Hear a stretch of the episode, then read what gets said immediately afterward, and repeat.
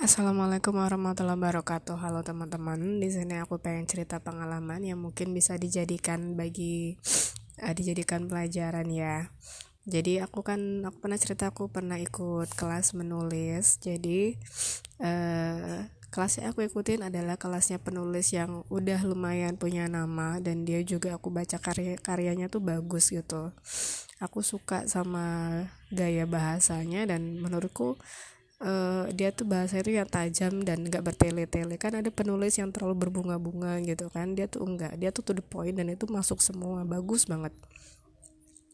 Penulis itu bikin kelas dan dia tuh uh, pakai beberapa admin. Apa ya yang akhirnya itu yang jadi ngasih materi itu adalah para admin itu. Dan aku sebut mereka tuh sebagai mentor aja ya ada satu mentor yang dia itu selalu rajin kasih materi dan setiap kali ada orang-orang menyerahkan tugas dia itu selalu rajin ngoreksi.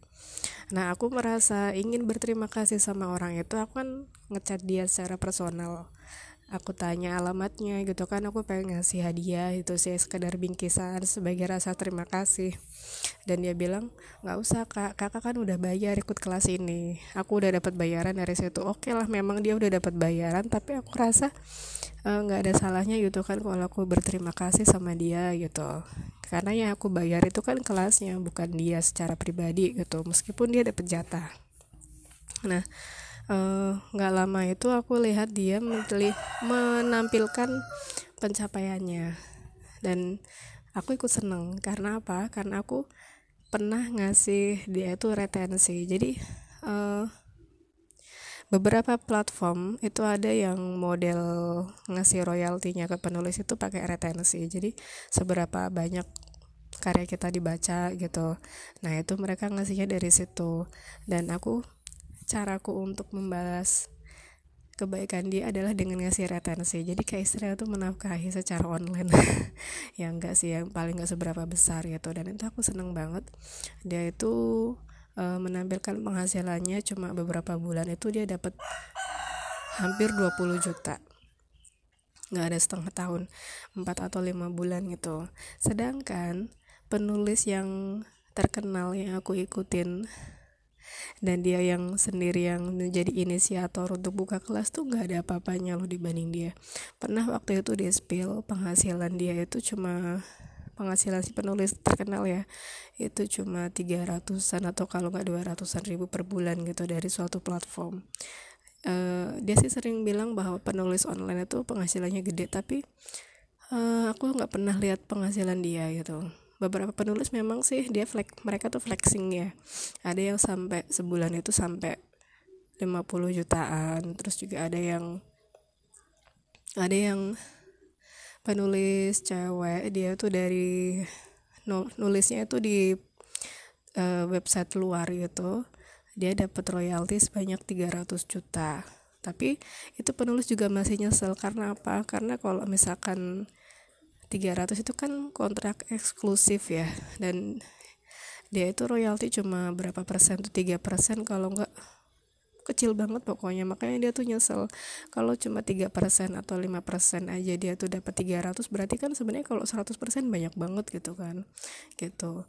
Nah yang bisa aku ambil kesimpulan dari sini adalah seperti yang aku bilang dulu tuh pas masih bahas awal-awal dia menulis bahwa kita tuh nggak perlu punya nama nama besar itu kalau menurut aku sekarang tuh memang udah nggak penting. Jadi kayak misalkan dulu ya kalau aku pikir kan aku suka Andrea Hirata aku suka uh, Asma Nadia aku suka yang pokoknya nama-nama penulis terkenal gitu kan. Sekarang tuh udah nggak penting. Jadi asalkan kita bisa masuk kita pakai nama anonim kita pakai nama sembarang karena kita bisa dikenal tuh emang ini emang cepet gitu. Terus uh, tapi ya ada satu platform yang mereka ibu-ibu itu militan jadi kayak kayak artis deh. Kan ada ya uh, makanya kayak trik-trik iklan terus juga film-film mereka pakai orang yang lagi booming mereka pakai orang yang meskipun lagi skandal kontroversial segala macem gitu kan. Banyak dibicarain orang diundang ke sana sini karena memang itu salah satu trik orang kita itu perhatiannya lagi ke situ. Nah itu sama ada platform yang ke situ juga. Jadi penulis-penulis yang emang udah punya nama karya mereka itu dipajang di paling depan dan gak pernah bergeser selama berbulan-bulan. Ketika dibuka aplikasinya karya itu itu itu itu terus gitu. Nggak pernah ada karya-karya baru. Beda sama yang kalau misalkan uh, target marketnya itu adalah anak-anak muda generasi Z gitu ya. Generasi Z ke bawah lah pokoknya. Itu uh, gonta ganti terus dinamis gitu loh. Bahkan penulis-penulis yang nggak pernah ada namanya sama sekali nggak pernah kalian denger itu masuk top gitu.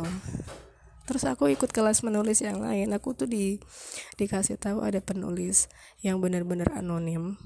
Nggak pernah tahu itu tuh cewek atau cowok tapi dia tuh di mana-mana karyanya ada dan jumlahnya itu selalu jutaan cuman aku pernah baca karyanya itu memang karya itu erotis gitu dan itu kan bukan bukan tipe yang aku suka gitu jadi nggak pernah aku baca. Aku cuma pelajari oh ini karyanya erotis.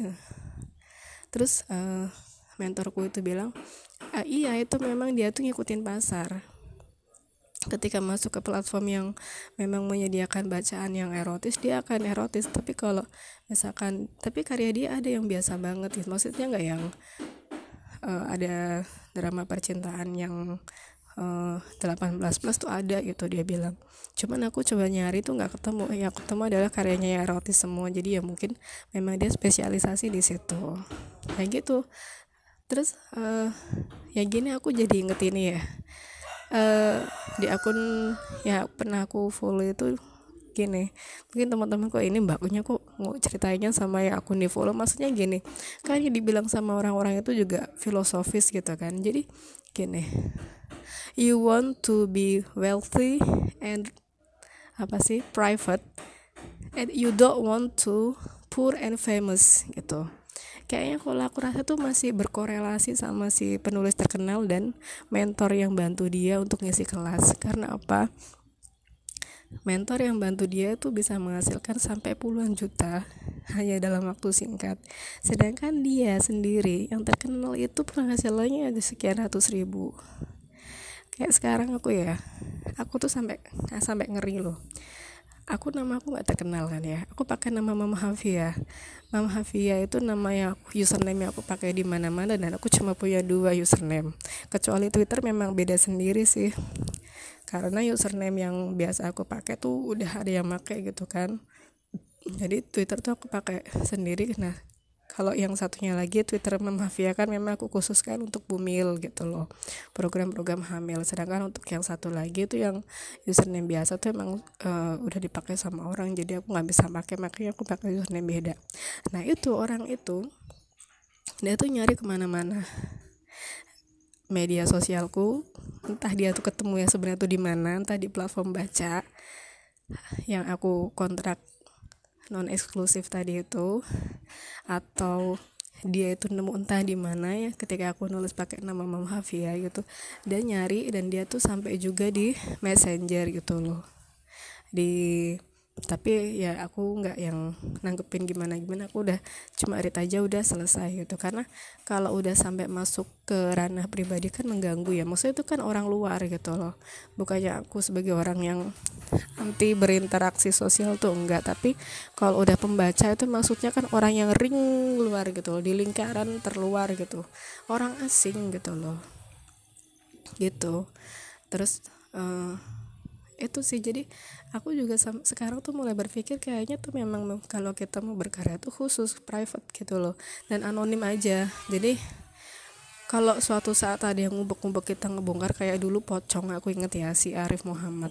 Zaman dulu kan dia juga uh, seangkatan aku waktu main awal Twitter kan boomingnya tuh orang tuh nyari-nyari tahu siapa si pocong siapa si pocong akhirnya terbongkar kan gitu. Nah kalau ada yang sampai sedetail itu intel apalagi dia bisa hacking terus akhirnya ngelacak dan akhirnya bisa nge apa menemukan semua dataku ya memang dia punya kemampuan khusus gitu kan. Tapi lebih enak tuh kalau misalkan yang bener-bener yang kayak misalkan Mam Hafia kan udah terlanjur oh Mam Hafia tuh berkore berkorelasi sama aku dan itu memang aku gitu loh.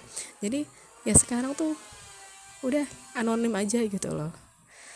Tapi ya untuk tentunya bukan untuk yang bermaksud kayak anonim terus jadinya brutal terus jadinya yang kayak mengeluarkan alter ego yang bener-bener dark banget yang gelap sisi tergelap untuk hal-hal yang aneh itu enggak. Tapi memang benar-benar khusus untuk berkarya gitu loh jadi kita akan aman.